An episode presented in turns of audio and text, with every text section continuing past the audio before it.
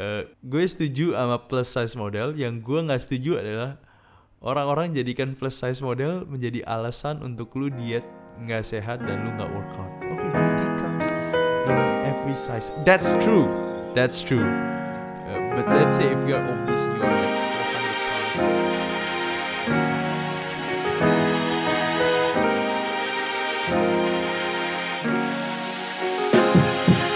Hi everyone, welcome back to Pada suatu ketika season 1 episode Eh, bukan season lagi. Gue bakal lanjutin ini continuously. Makanya gue take down seasonnya. Makanya kalau lu lihat di Spotify dan Soundcloud Lu gak ngeliat ada tulisan season lagi kan? well Terus dari waktu gue bikin Gue bikin kayak season 1, season 2 Terus gue kayak Fuck What am I gonna do with season 2? I don't have any fucking clue. So might as well take it down lah So yeah, that's why kita ngomong langsung aja episode 34 And ini bakal lanjut.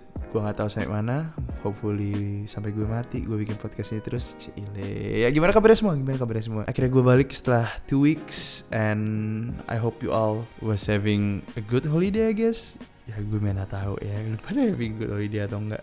But hopefully do hopefully do hopefully do oke okay, kita nggak banyak ngomong. Episode kali ini lebih ke arah cerita sih. Kalau mau uh, denger kasus-kasus kayak biasanya ya kan kan kan biasanya PSK tuh suka kayak gitu tuh. Itu kayak lu ngambil kelas di kuliahan terus lu cari tahu kasusnya apa terus ngebahas tentang kasus tersebut. Biasanya kan kayak gitu.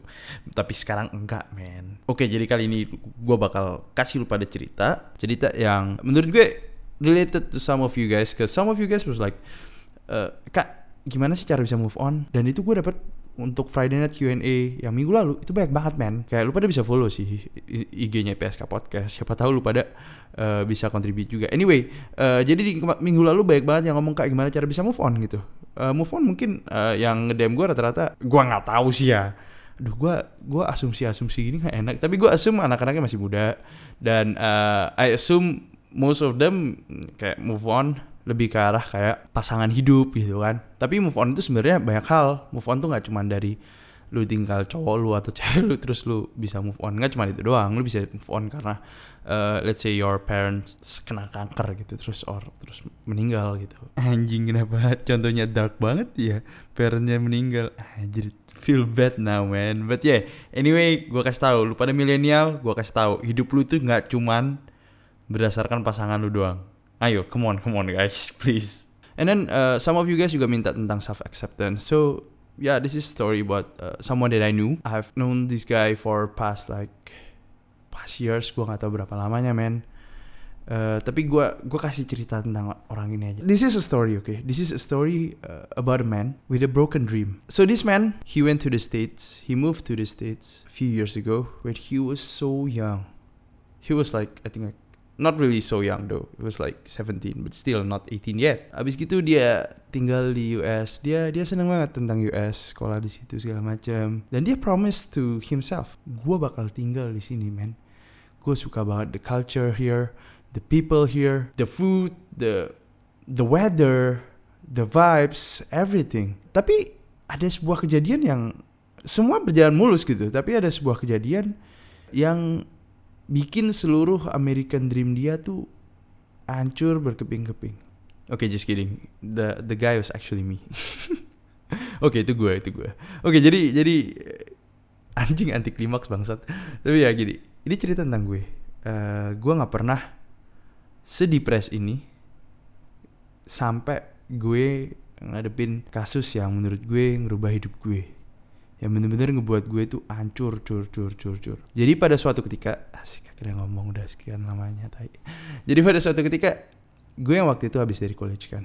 Gue habis itu baru lulus gue ngerasa hidup gue tuh enak-enak aja semua fine fine aja gitu. Gue bakal dapat kerja di US gue bakal I don't know get a normal job and then spend weekend cari pasangan hidup satu cukup Uh, terus punya dua anak, satu anjing atau kucing kalau istri gue mau kucing ya, I don't mind. Terus habis gitu punya rumah di suburb yang biasa-biasa aja. Ya ya ya lu typical American dream lah, imigran gitu gimana? itu mimpi gue, itu mimpi gue. Kalau lu ngerasa mimpi gue basic banget, Kalau lu tahu episode ke yang gue waktu itu ngobrol sama Theo, proses dibalik hasil kalau gak salah judulnya. Dia juga ngomong hal yang sama gitu. Gue lupa dia ngomong di podcast atau di setelah podcast, tapi dia ngomong kayak kalau misalkan gue ada kesempatan buat balik ke States, meskipun gue di sini udah kayak let's say hidup gue udah lebih enak di Indo ya kan. Uh, let's say gue harus pindah ke States dan gue jadi kayak standard of living gue menurun, I don't mind. He said that dan gue juga ngerasa hal yang sama. Abis gue lulus, gue mendaftar lah ke imigrasi untuk dapetin sebuah kartu. Kartu ini sebenarnya dipakai buat lu cari kerja. Lebih ke arah kayak temporary visa gitu. Setelah gue apply, uh, gue graduate, gue jalan-jalan, gue harusnya gue dapet kartu itu dan gue mulai cari kerja kan. Setelah gue mencari kerja dan gue dapat offer dari few companies, apparently kartu gue nggak datang. Dan gue found out bahwa mail di rumah di apartemen gue waktu itu. Uh, jadi kalau lo tahu apartemen itu kan semua mailnya jadi satu kan, jadi satu kayak di satu daerah, terus banyak kotak-kotak uh, kotak-kotak surat, uh, tukang suratnya naro surat masing-masing. Itu tuh kebobolan men. That night. And at that night kartu gue nyampe. shit, right? Oke, okay, oke, okay, oke. Okay. I was fucking shocked. I was depressed. I was so fucking anxious kan. Gimana nih gue nggak gue gue gak dapet kartu gue dan gue harus inform berapa uh, company gue belum dapat kartu gue. So yeah, I guess kayak gue harus ulang semuanya lagi kan. Gue harus oh, ke company-nya, aduh sorry gue nggak bisa nunggu segala macam. Kebanyakan yang gue daftar startup jadi ya well gue masih percaya diri aja gitu gue gue udah duh gue udah dapet offer juga kan ya setelah gue pergi ke bagian international students ya gitu kayak international students council or or kayak administration gitu yang di sekolah gue dan gue bilang kartu gue tuh hilang. Gimana cara gue dapet kartu ini lagi dan gue bisa dapet kerja? Terus orangnya bilang gue masih inget tuh si bule ngomong ke gue eh lu gini aja lu daftar lagi aja. Lu kasih dokumen lu ini dan suratnya tuh ini dan gue udah kayak oke okay, gue bakal lakuin hal ini. Tapi gue diinform dari websitenya gue harus daftar ulang in which semua dokumen yang sama gue harus kasih. Men lu tau nggak harga kartu itu tuh 500 dolar? In which itu kayak sekitar 6 juta kan?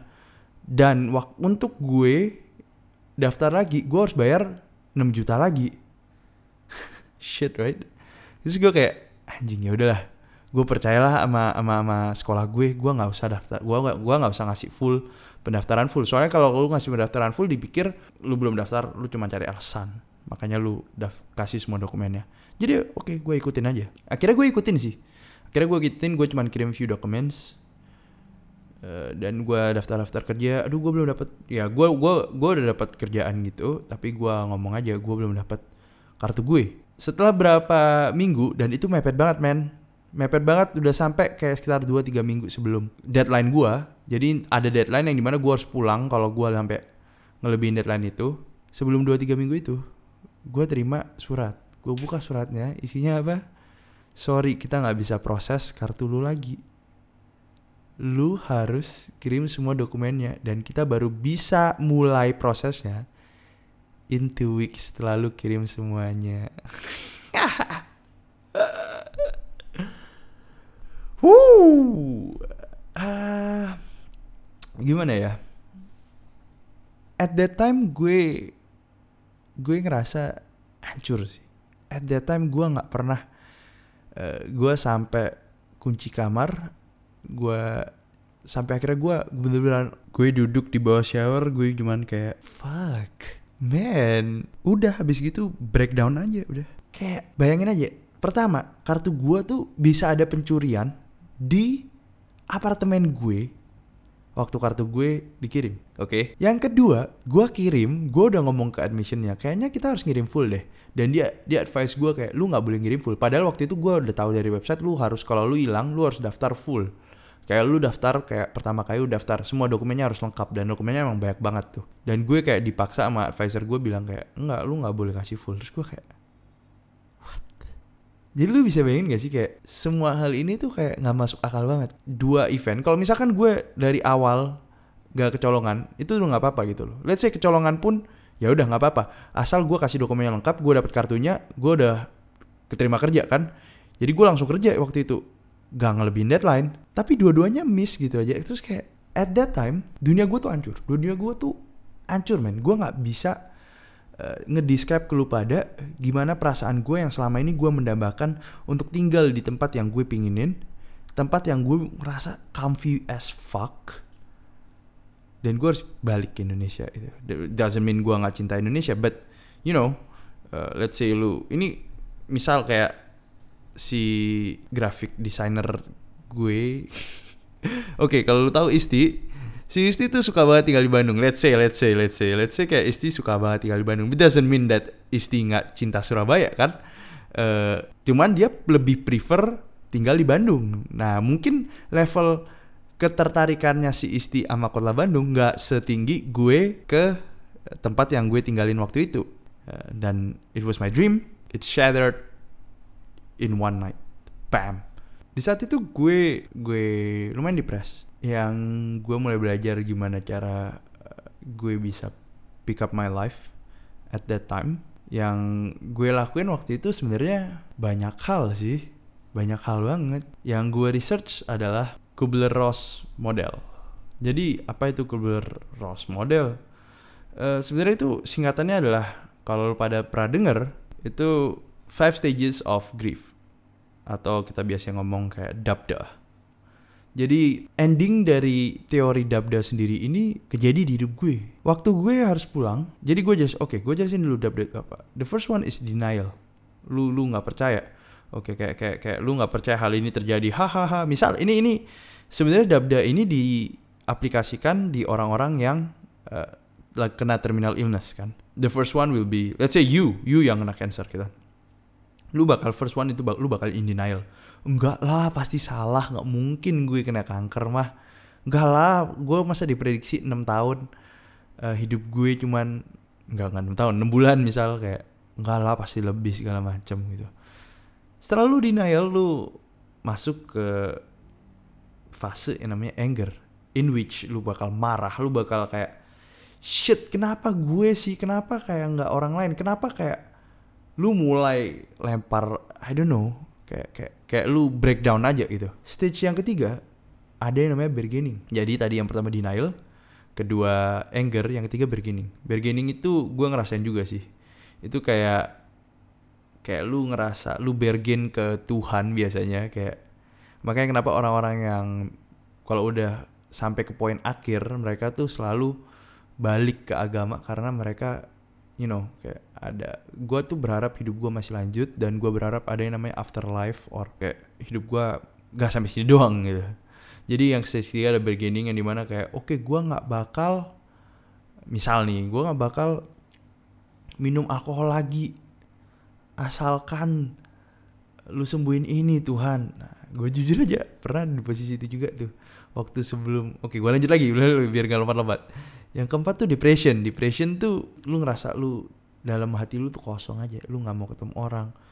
Lu cuman mau di rumah lu cuman um, gak tau diem. Dan diem. Apaan sih? Oke okay, yang stage terakhir adalah acceptance. Acceptance itu di mana lu udah mulai you know lu mulai ngerasa kayak oke okay, ini ini inevitable. Ya waktu gue bakal datang. Just enjoy the moment aja. Oke okay, itu udah Oke, okay, kalau lu lihat Dabda itu, stage terakhir itu selalu acceptance.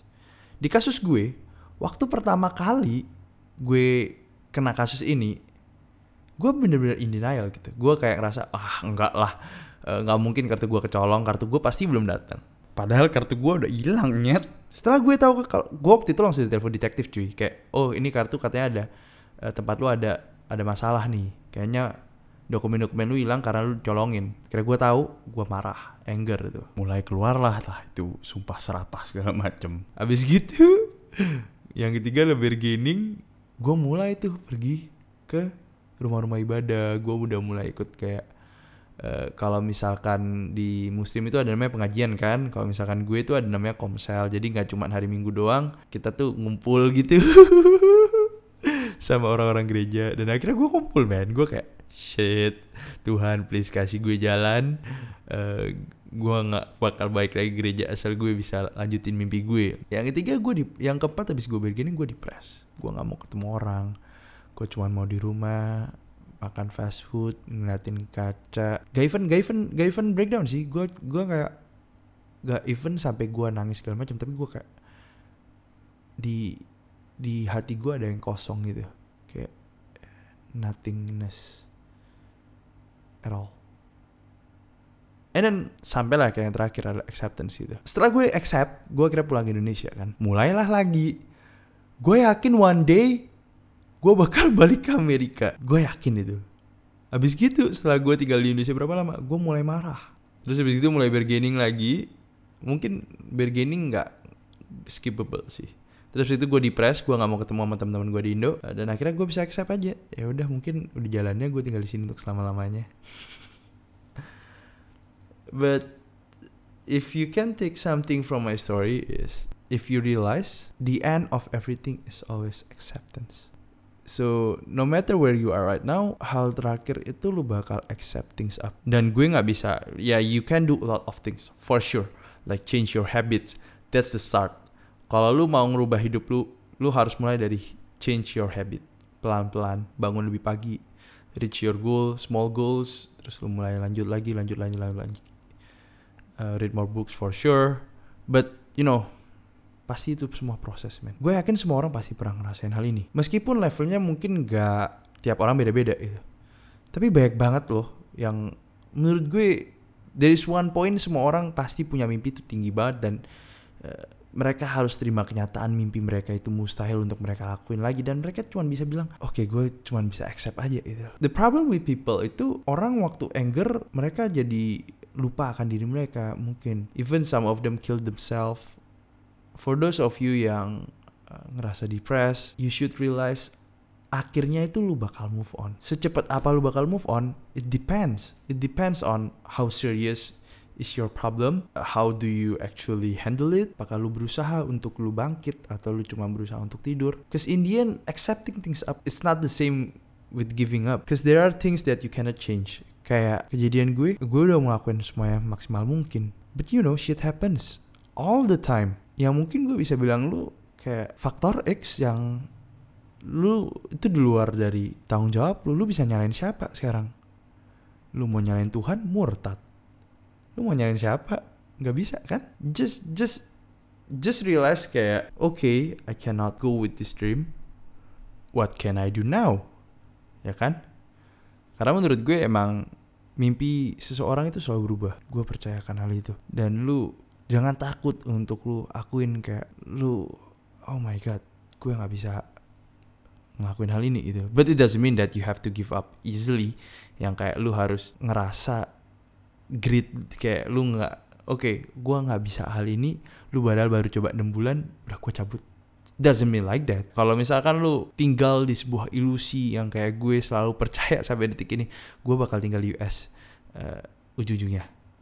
Dan uh, I don't know, gue malas-malesan mungkin, gak fokus sama kerjaan gue karena gue selalu delusional dan dan gue nggak bersikap realistis gitu. Apakah gue bisa tinggal di US? Bisa, tapi gue harus sacrifice many things. Dan mungkin gue bisa bilang gue sekarang udah lebih fokus sama apa yang gue lakuin sekarang dan gue ngerasa itu lebih ke arah set goal gue uh, kalau misalkan emang hidup gue berkehendak gue uh, bakal tinggal di US in the end ya udahlah tinggal di situ or mungkin in the few years semuanya bakal berubah gue lebih comfortable tinggal di sini we don't know right so ya yeah, gue mungkin lebih ke arah jalanin aja. But talking about accepting things up don't worry. Itu bakal datang eventually ke lu kok. Tapi lu juga harus berjuang untuk bikin hal itu lebih cepat datang ke lu. It doesn't matter.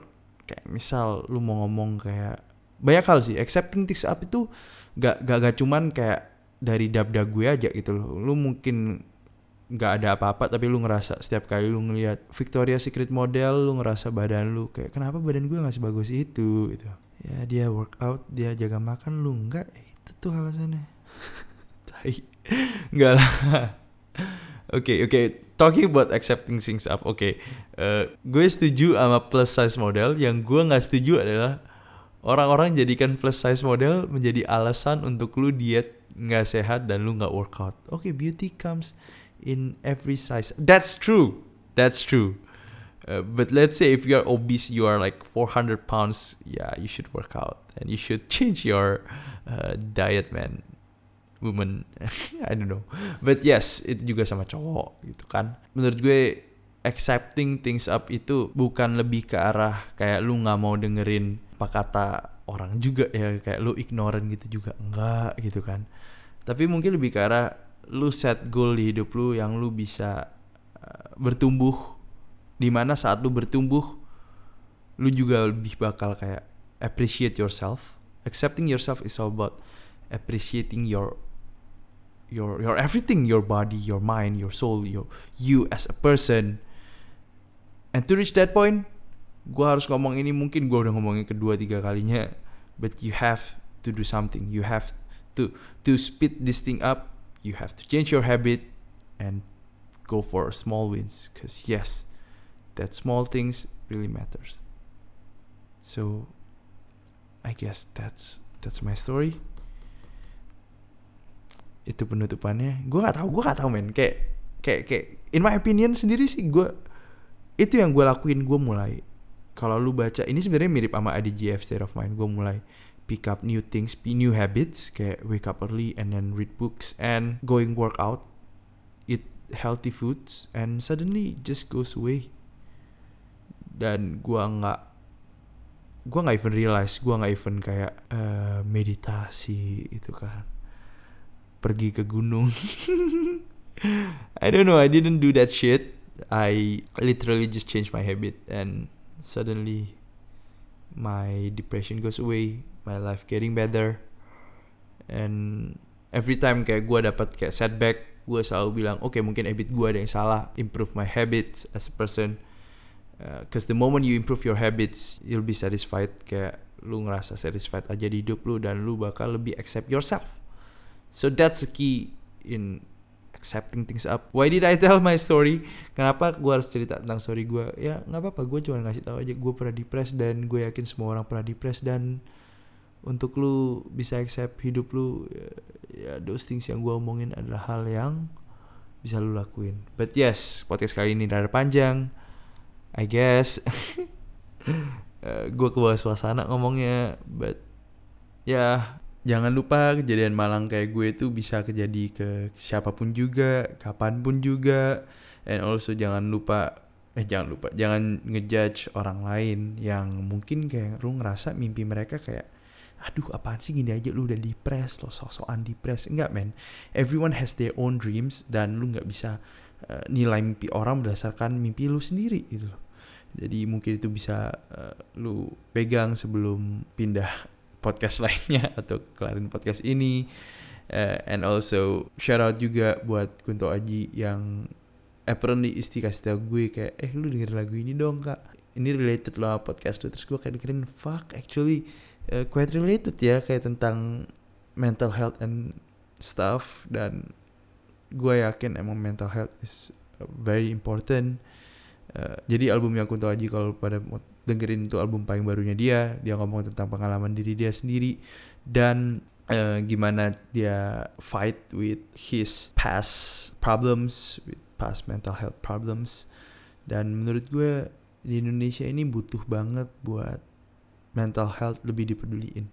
Dan that's why I love talk about it I guess cause not many people talk about it in Indo. Cause in Asian culture just like oh my god you you're having a mental health issues you're such a loser entah kenapa sih ya but yeah I guess that's it guys for the podcast uh, don't forget to follow PSK Podcast on Instagram I appreciate it kalau pada bisa follow dan lu pada bisa contribute. That's the most important uh, thing ya. Lu pada bisa contribute uh, your story on Friday night. Itu biasanya gue ngomong on Friday night. Ya oke, okay, just mungkin nggak Friday night doang, mungkin throughout the weekend. Gue nemenin lu pada uh, ya lagi nganggur kayak gue seperti biasanya. But yes, I'll see you guys next week. See ya.